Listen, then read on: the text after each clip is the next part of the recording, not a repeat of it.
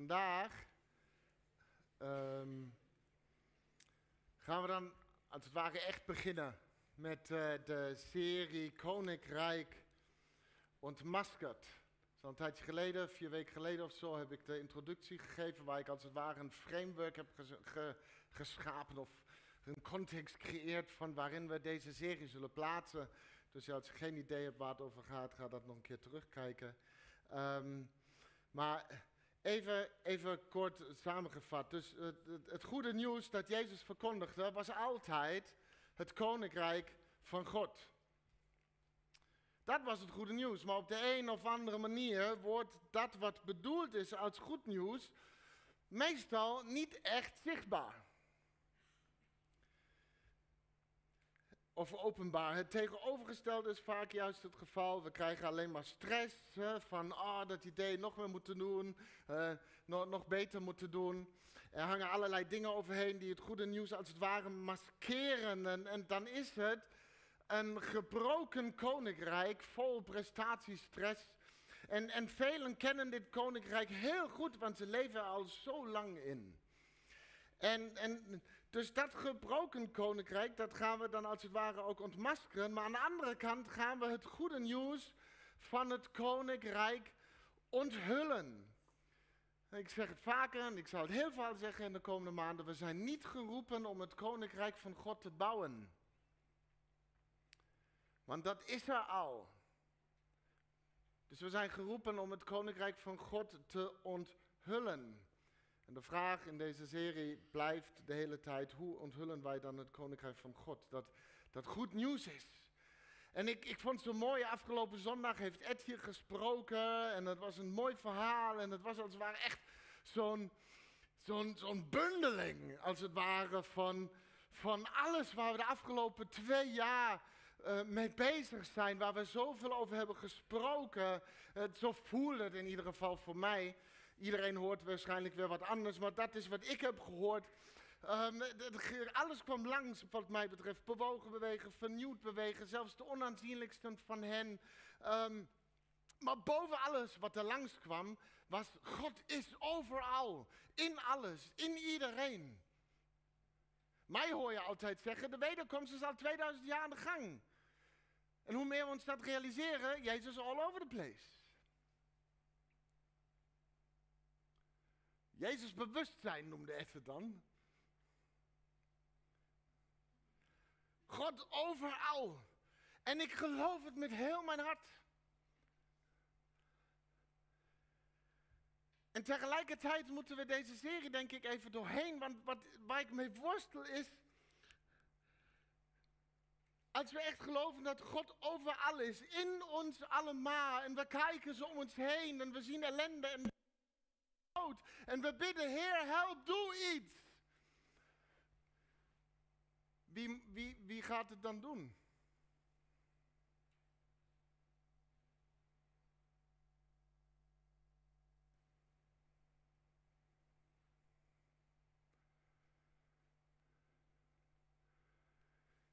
Zag laatst een gesprek van een voorganger die met een atheïst aan het spreken was. En die atheïst zegt tegen hem van, ja, maar wat is dat voor een God die al dat lijden toelaat? En zo'n God kan ik niet geloven, al dat die ellende en dat lijden.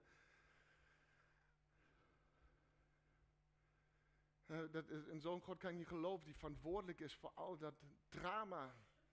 En die predikant zegt van, nou, stel dat er nu geen God is. Zou er nog steeds ellende, drama en pijn en, en, en weet ik veel allemaal wat zijn? En die atheïst zegt, ja. Zeg, oké, maar nu is er geen God, wie is er dan nu verantwoordelijk?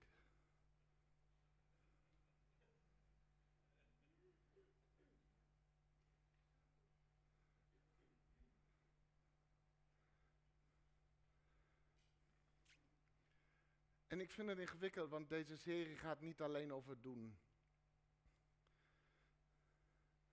Het gaat juist over ons zijn. Hè? Zo hebben we hem ingestoken. Luister dat nog een keer terug. Maar tegelijkertijd kunnen we ons doen ook niet afzonderen als de vijand van zijn. Want je zijn bestaat juist uit je denken, doen en voelen. En als we dan doen of denken of voelen weghalen, blijft een incompleet bestaan over. Een, een gebroken koninkrijk. En als we zoals Jezus zegt steeds meer geloven dat koninkrijk ons hele zijn inneemt, dan zal het koninkrijk van God in al zijn volmaaktheid onthuld worden. In eerste instantie in ons denken, dus ons kennen van Jezus. In ons doen, in ons bewogen bewegen als Jezus in deze wereld. En drie, en in ons voelen, in ons van, en ervaren van zijn aanwezigheid in alles.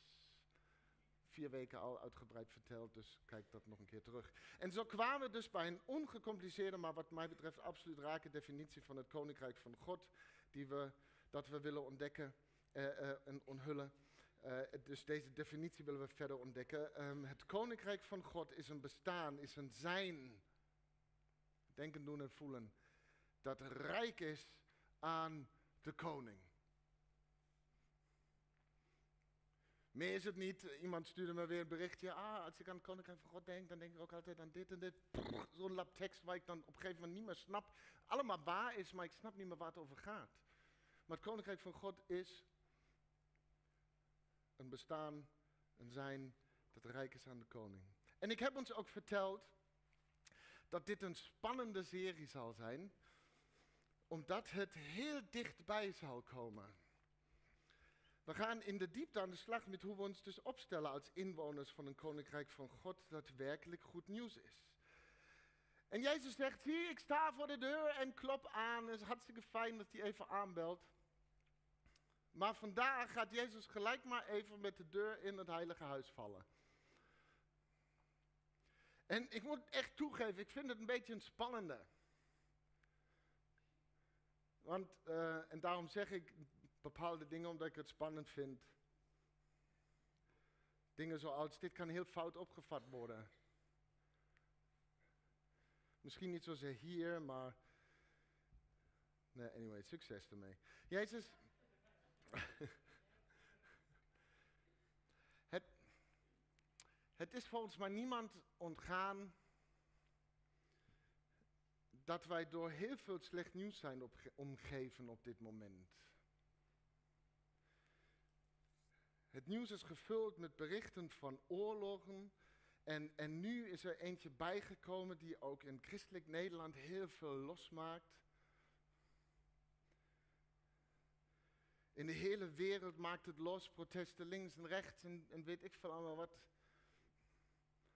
Maar er is heel veel nieuws van geweld, van terreur, van bruutheid, van wraak en vergelding, van wanhoop en, en, en tragedies. En ik weet niet hoe het jullie vergaat, maar ik, ik zit met pijn in mijn hart te, te kijken naar, naar wat er allemaal gebeurt. En gefeliciteerd als je verklaringen hebt, een of andere geestelijk mooie theologisch uh, waar je voor jezelf de pijn even kan rationaliseren, maar ik heb hem niet. Dus ik zit met pijn in mijn hart als ik kijk naar al wat er gebeurt, en tegelijkertijd worstel ik enorm met dit, misschien herken je dit, met dit moeten kiezen van kanten.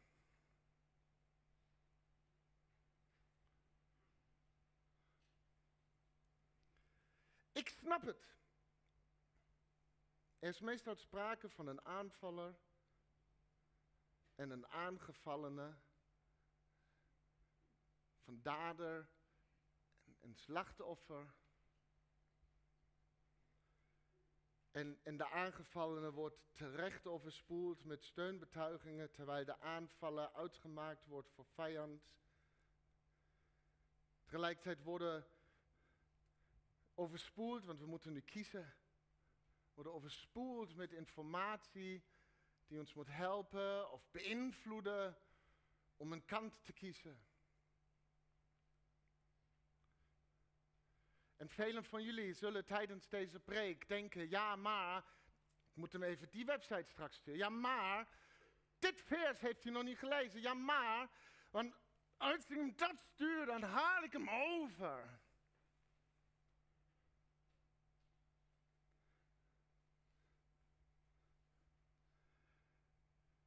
Het zijn deze twee eenvoudige opties die het niet te moeilijk maken voor je om te kiezen. Dus kies een kant. De een krijgt medelijden en de ander wordt gecanceld. Kleinschalig en grootschalig. En dit is hoe het werkt. en hoe het politiek correct is. Maar tegelijkertijd, en dat is de enige reden waarom ik deze serie hou, raakt het mij enorm als ik naar allerlei beelden kijk, of deze preek in deze serie, want ik zie vooral eerst mensen. In, in, in, in, in getallen verpakt. slachtoffers aan alle kanten.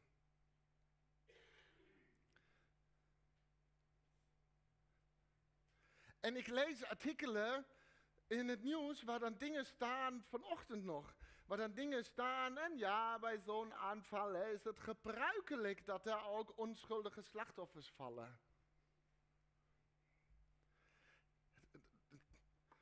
Het wordt normaal gepraat om je te helpen om kant te kiezen. Maar, maar iedereen lijkt te verliezen. En sinds ik vader ben, en, en ik kijk naar deze beelden, en, en het komt echt heel anders binnen. Als ik zie hoeveel kinderen er zijn gesneuveld. En dan maakt het me niet uit welk kamp het is, maar daar ligt zo'n zo'n klein lichaam ingepakt in een toek op de grond en het is gewoon voorbij.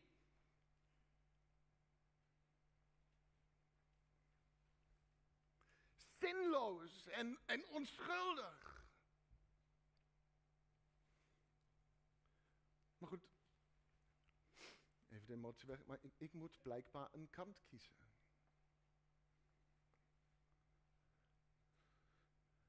Dat is hoe het werkt en hoe het politiek correct lijkt. Ik moet voor iemand en tegen iemand zijn. En dan lees ik in de Bijbel dat Jezus ons uitdaagt om iemand te zijn en denken, doen en voelen waar we echt mee moeten worstelen. Want het is steeds moeilijker te verenigen met het gepolariseerde systeem van deze wereld. Dus hier klopt Jezus even als het ware aan de deur. Gelukkig de vrede.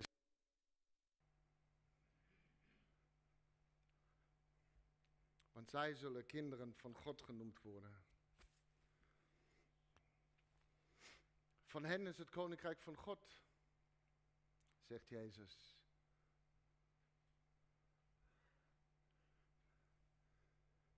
Het koninkrijk van God wordt dus onthuld ergens door vredestichters zijn.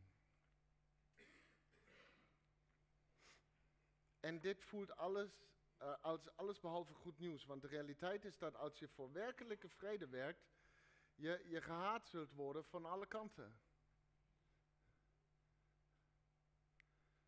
Als wij aan vrede denken, en dat willen we dan niet, dus denken we vrede vaak op, aan, aan vrede op deze manier. Als wij aan vrede denken, dan denken we vaak aan, een, juist aan een beperkte en aan een eenzijdige vrede, omdat we het alleen maar aan, aan, aan één kant gunnen.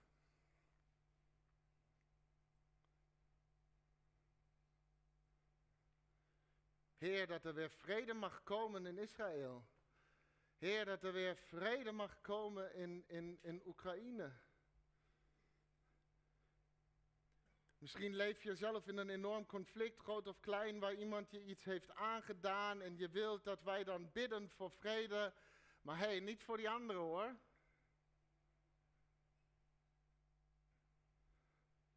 Die moet je juist veroordelen, want je hebt nu mijn kant gekozen, toch?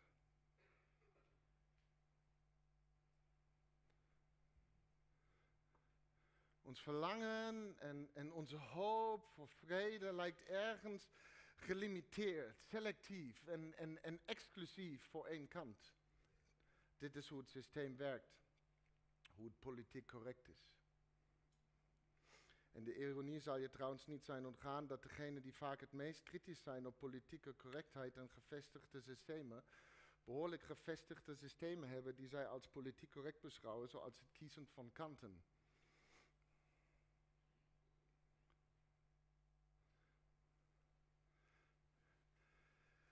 Een conflict breekt ergens uit en het groot zoals oorlog of in het klein, zoals tussen mensen, nu moeten door omstanders, omstanders meteen aan het systeem worden voldaan door een kant te kiezen. Als je dat niet doet, dan ben je ook gelijk nieuws. Omdat die stad heeft wel een vlag uh, gehezen en, en, en deze niet. Deze heeft nog geen kant gekozen, dus die moet vast voor de ander zijn. Het is de politieke correctheid van een gebroken koninkrijk. En het moet worden ontmaskerd, want het is beperkt.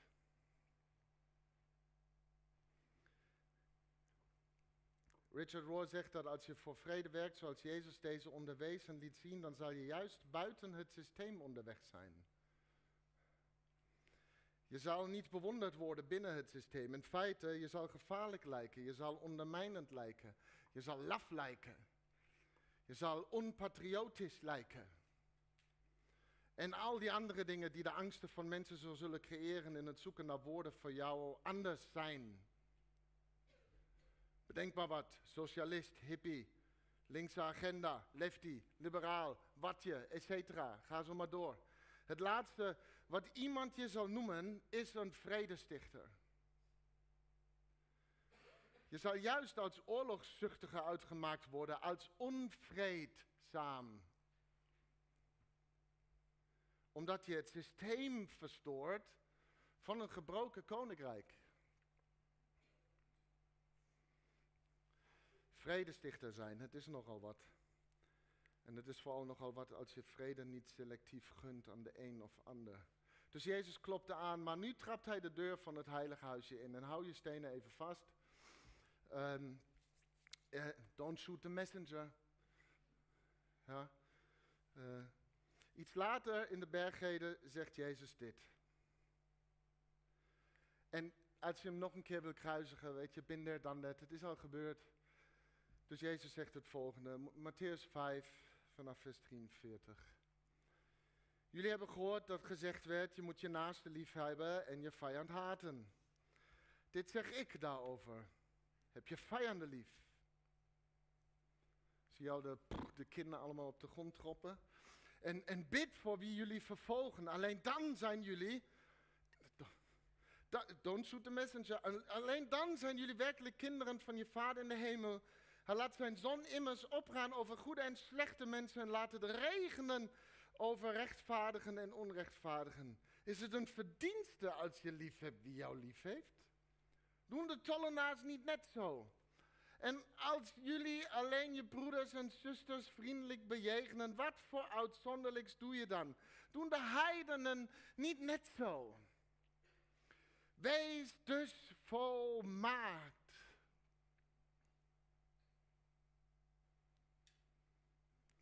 zoals jullie hemelse Vader volmaakt is. Nou, van alle scheldwoorden die bedacht kunnen worden voor die linkse agenda van Jezus hier, voor degenen die niet binnen het systeem willen opereren, is er denk ik geen één voldoende voor wat Jezus hier vraagt. Nou, zij hebben wel wat bedacht, godslastig en zo, en uh, huppakee.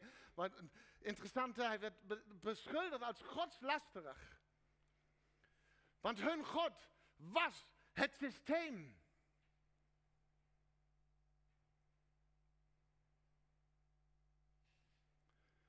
Maar goed, ik weet, dus Jezus, hier, dat is wat ik, Jezus spant gewoon de kroon. Maar dat is wat koningen doen van volmaakte koninkrijken. Ja, zij spannen de kroon. Het, het, het, de uitdrukking komt een beetje voort van het idee dat aanmeten, de opzetten, de kroon spannen. Maar ik, ik zie het ook een beetje als, als je nu een koning hebt met een heel dik hoofd en een kleine kroon. Dan moet je gewoon, dan moet je gewoon die kroon een beetje spannen.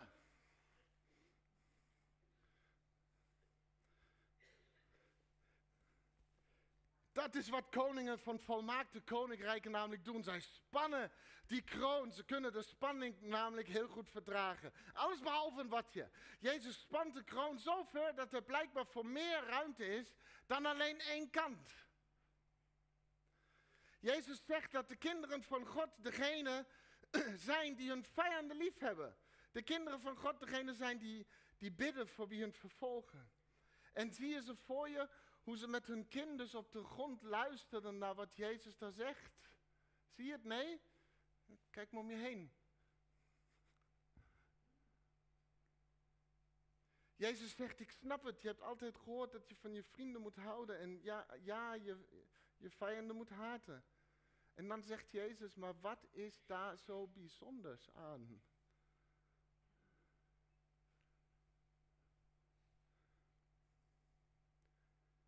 Het is niks bijzonders, niks om trots op te zijn.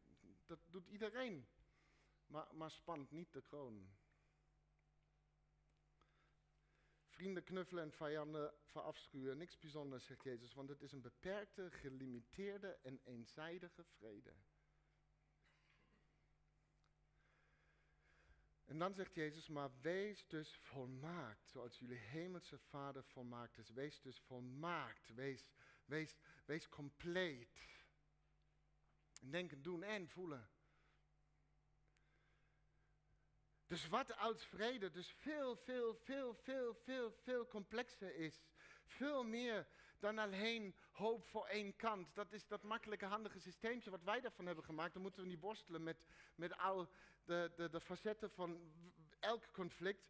Maar volmaakt zijn spant juist de kroon. En weet je wat? Je kan er echt overspannen van raken, want volmaakt zijn is compleet. Uh, complex, sorry. En compleet. Ja. Complex. Dus wat houdt dat in, dat volmaakt zijn? Nou, hier is wat je kan verwachten als je begint lief te hebben aan alle kanten van een conflict. Je kan verwachten dat ze je de stad zullen uitdrijven om je in de afgrond te storten. Hè? Nou, goed nieuws hè, dat koninkrijk. Hartstikke mooi. Laten we zo lezen, Lucas 4 vanaf vers 16. Jezus kwam ook in Nazareth waar hij was opgegroeid en volgens zijn gewoonte ging hij op Sabbat naar de synagoge. Toen hij opstond om voor te lezen, werd hem de boekrol van de profeet Jezaja overhandigd en hij rolde hem af tot de plaats waar geschreven staat, de geest van de Heer rust op mij. Want de Heer heeft mij gezalfd om aan armen het goede nieuws te brengen en heeft hij mij gezonden om aan gevangenen hun vrijlating bekend te maken en aan blinden het herstel van hun zicht, om onderdrukten hun vrijheid te geven, om een genadejaar van de Heer uit te roepen. Hij rolde de boekrol op, gaf hem terug aan de dienaar en ging weer zitten. tropte zijn mike. De ogen van alle aanwezigen in de synagoge waren op hem gericht. Hij zei tegen hen, vandaag hebben jullie deze schrifttekst in vervulling horen gaan. En allen, allen, allen betuigden hem bijval. Allen. Yes, Jezus. Woehoe. Genade, ja. Applaus. Super, Jezus. Eindelijk. Genade en vrede. Wat een feest. Dankjewel, Jezus, voor deze mooie woorden. Zo ontroerend, zo bemoedigd. Iemand nog een lied om het af te sluiten. Maar dan gaat het helemaal mis. Let op wat Jezus vervolgens zegt. Maar ik zeg het jullie zoals het is. Jongens, dit is hoe het is. Kun je vinden van wat je wilt, maar dit is hoe het is. In de tijd van Elia, toen de hemel drie jaar en zes maanden lang gesloten bleef en in het land een grote hongersnood uitbrak, waren veel weduwen in Israël. Toch werd Elia niet naar een van hen gezonden, maar naar een weduwe in Sarepta bij Sidon. En in de tijd van de profeet Elisa waren veel mensen in Israël die leden aan huidvraat. Toch werd niemand van hen gereinigd, maar wel de Syrië naar Aman. En toen de aanwezigen in de synagoge dit hoorden, ontstaken ze een grote woede. Ze sprongen op en dreven hem de stad uit, naar de rand van de berg waarop hun stad gebouwd was, om hem in de afgrond te storten. Het was dus eerst uh, een en al staande ovaties. En na twee vervolgopmerkingen wilden ze Jezus opeens vermoorden. Waarom? Omdat Jezus maakte twee gevaarlijke antisysteem en religieus politiek incorrecte kanttekeningen. Hij zegt, jongens, dit is hoe het is. Luister, er waren heel veel weduwen in de tijd van Elia die God had kunnen zegenen. Maar degene voor wie Elia zorgde was een weduwe in Serepta. In een stad van de vijand. Dit is voor wie God zorgde. En luister goed, de tweede is dit. Er waren heel veel mensen met huidvraat in de tijd van Elisa, zelfs onder jullie, Gods volk. Maar weet je nog wie God genas? Hij genas de generaal van het buitenlandse vijandelijke leger, genaamd Naaman de Syriër.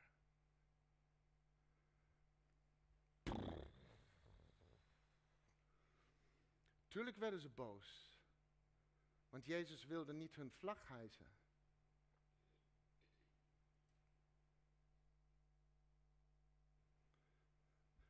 Ze begrepen heel snel wat Jezus bedoelde. Als het nu genadejaar is, als er nu vrijlating komt, herstel, bevrijding, vrede, drie keer raden voor wie het is. Het is voor die andere kant. Nee, het is voor iedereen. Het is voor iedereen. Voor iedereen. Jezus komt deze dingen brengen voor iedereen die vrijlating, herstel, bevrijding, liefde, vrede nodig hebben. Niet alleen voor één door het systeem gekozen kant, maar volstrekt voorbij ons handig systeempje voor iedereen. Een gebroken koninkrijk is vaak alleen goed nieuws voor de een en minder goed nieuws voor een ander. Maar het koninkrijk van God, dat volmaakt goed nieuws is, is vol van volmaakte vredestichters die weten, die dit weten en die dit uitleven, dat het voor iedereen is.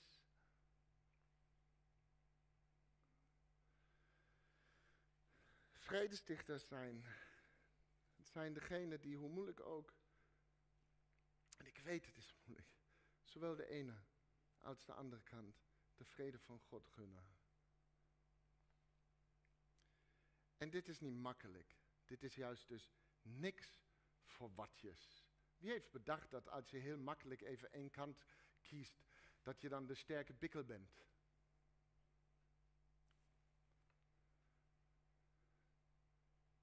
Daar heb je voor gek laten houden. Maar als je durft tussen de frontlinies te staan, terwijl je van twee kanten afgeschoten zou kunnen worden, dan ben je echt geen pussy.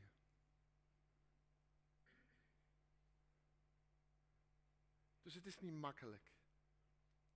Daarom is het ook de vrede van God die het verstand te boven gaat. Het verstand misschien beïnvloed door een gebroken systeem. En ik wil dat je weet wat we mensen dan gunnen. Wat we hen als het ware willen geven. Er, zijn een paar momenten dat Jezus na zijn opstanding uit de dood nog een paar keer verscheen aan mensen. En een van deze momenten is als hij opeens in de kamer staat waar de discipelen zich schuilhielden. En dan lezen we dit. In Johannes 20.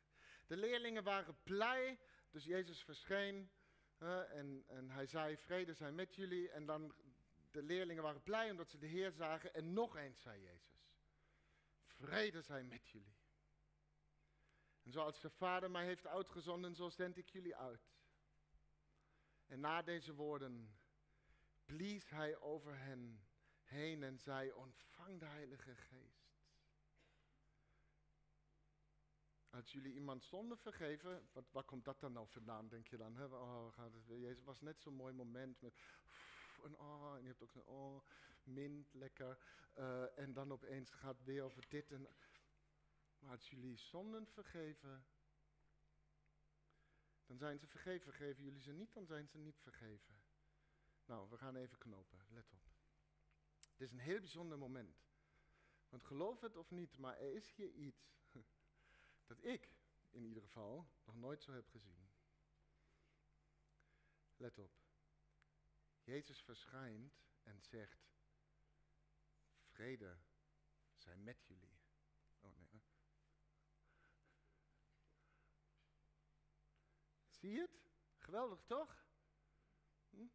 Oké, let op. Hij, hij blies op hen. Het? Hm? Okay. Machtig mooi dit, echt waar. Let op. Ontvang de Heilige Geest. Woehoe! Zie het? Nee? Nou, eh, nou, Jezus verschijnt en zegt, vrede zij met jullie. Vrede zij met jullie. En hier komt het. Let heel goed op. Vrede zij met jullie. En nadat hij zei wat met hen zal zijn, namelijk vrede, blies hij op hen om het hen dan ook te geven. Kunnen we volgen? Ja? Zie je het? Vrede zij met jullie. Komt-ie. En wat gaf hij hun? Hij gaf hun zijn geest. Vrede met jullie, komt hij en hij blies op hen de ruach. Hij ademde, Jezus ademde uit wie hij is. Het kwam uit wie hij is. Luister goed, Jezus gaf hen wie hij is in de vorm van de geest. Het kwam uit hem en het is nu ook in hen. Ja, wat in mij is, zegt Jezus, is nu ook in jou. Hier komt hij, ontvang de Heilige Geest. En zei, oh, en het zat erin. Kunnen we nu alle punten met elkaar verbinden? Ja, lukt het?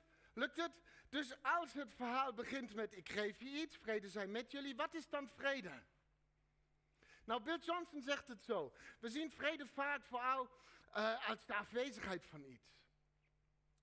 Als het geweld van de ene naar de andere kant ophoudt, dan is er vrede. Als die of die in dat conflict in mijn leven dit of dat niet meer doet, dan is er vrede. Als de onrust er niet meer is, de zorgen er niet meer zijn, de nood er niet meer is, de pijn er niet meer is, het lijden er niet meer is, dan is er vrede. Als het afwezig is, dan is er vrede.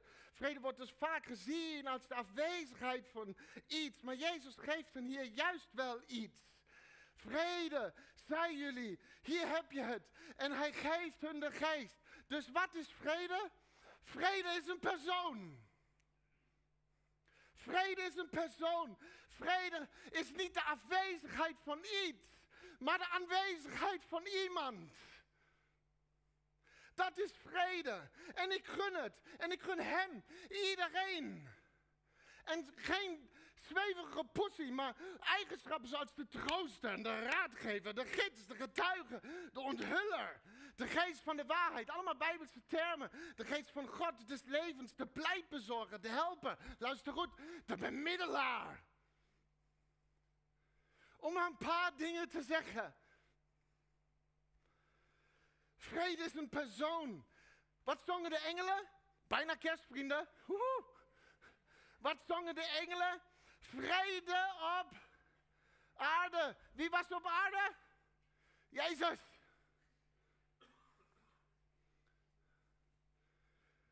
Jezaja 9, een kind is ons geboren. Hoe heette die? Vredevorst.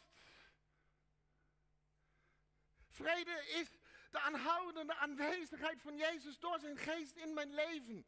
In de wereld is vrede altijd de afwezigheid van herrie, van oorlog, van conflict. Maar in het koninkrijk van God kun je te midden van al deze dingen zijn en vrede hebben, omdat vrede een persoon is die in mij leeft met al deze eigenschappen. Vrede is een persoon die dus mijn hele zijn, mijn denken, doen en voelen inneemt. En als dat mijn nieuwe definitie van vrede wordt, dan zal het koninkrijk van God volmaakt onthuld worden. Want dit gaat niet meer over de een of de andere kant, wel of niet vrede gunnen in de zin van een afwezigheid van iets. Maar we gunnen hen allemaal vrede in de vorm van de aanwezigheid van de persoon Jezus door Gods geest.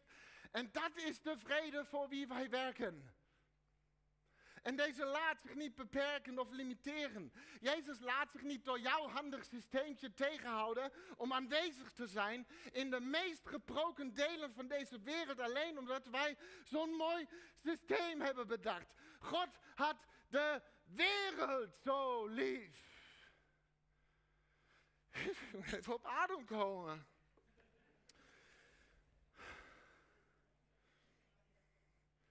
Die shit houdt mij zo lang bezig. Vrede is meer dan alleen de afwezigheid van iets. En mag ik nog één ding zeggen? Vrede is ook veel meer dan alleen wederzijds respect.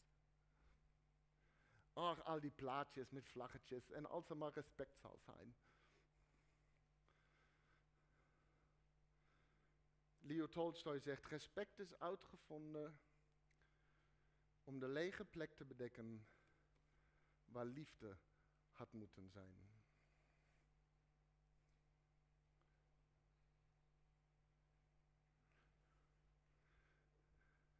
En wie is liefde? Precies. Vrede is een persoon.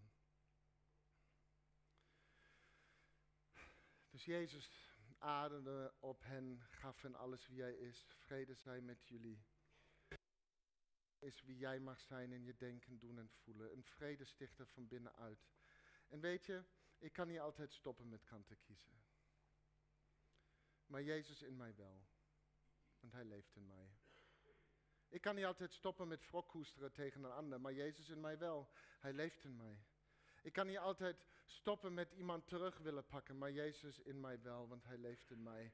Ik kan niet altijd stoppen met uh, alleen van mijn vrienden houden en mijn vijanden haten, maar Jezus in mij kan het wel, want Hij leeft in mij. Hij spant de kroon en verbindt het onmogelijke met elkaar. Ik kan niet altijd stoppen met mij zorgen maken, maar Jezus in mij wel. Ik kan niet altijd stoppen met piekeren, maar Jezus in mij wel. Ik kan niet altijd stoppen met angstig zijn, maar Jezus in mij wel. Hij leeft in mij, Hij leeft in jou. En sommigen hier kunnen elkaar gewoon niet uitstaan. Iedereen hier is voor iemand anders hier gewoon een nachtmerrie.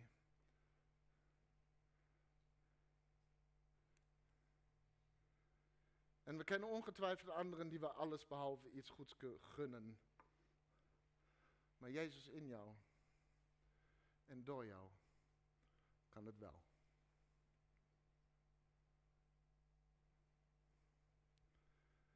Dus Jezus blies op hen vrede in de vorm van zijn geest. En dan geeft Jezus hen een keuze. En hiermee ga ik afsluiten. En het is dus geen keuze tussen twee kanten. Maar een keuze van wie je wilt zijn. Dus als je afvraagt, waar komt dat nou vandaan? Nou, hier komt het vandaan. Kun je de laatste slide even laten zien? Want hij wil niet meer.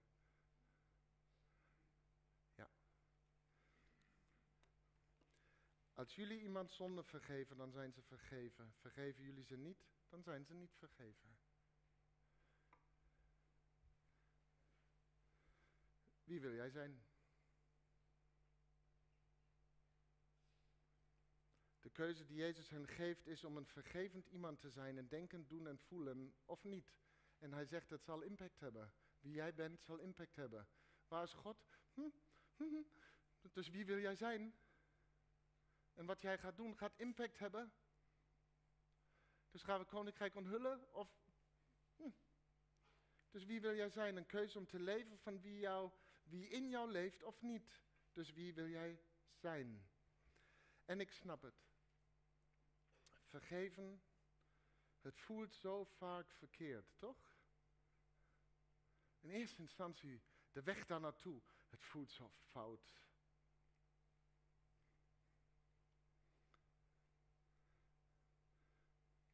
Het voelt een beetje als, vergeef me deze vergelijking, een beetje als verslapen.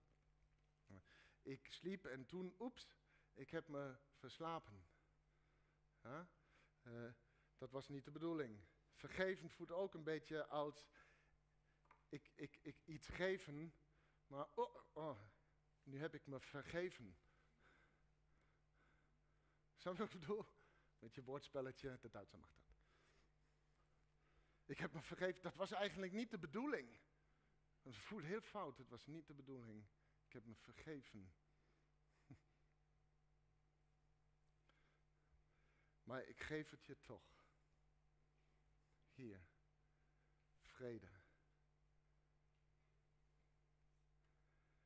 En Jezus zijn geest ademt dus vergeving.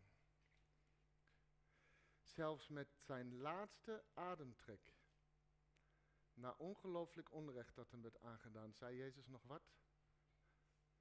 Vergeef hen.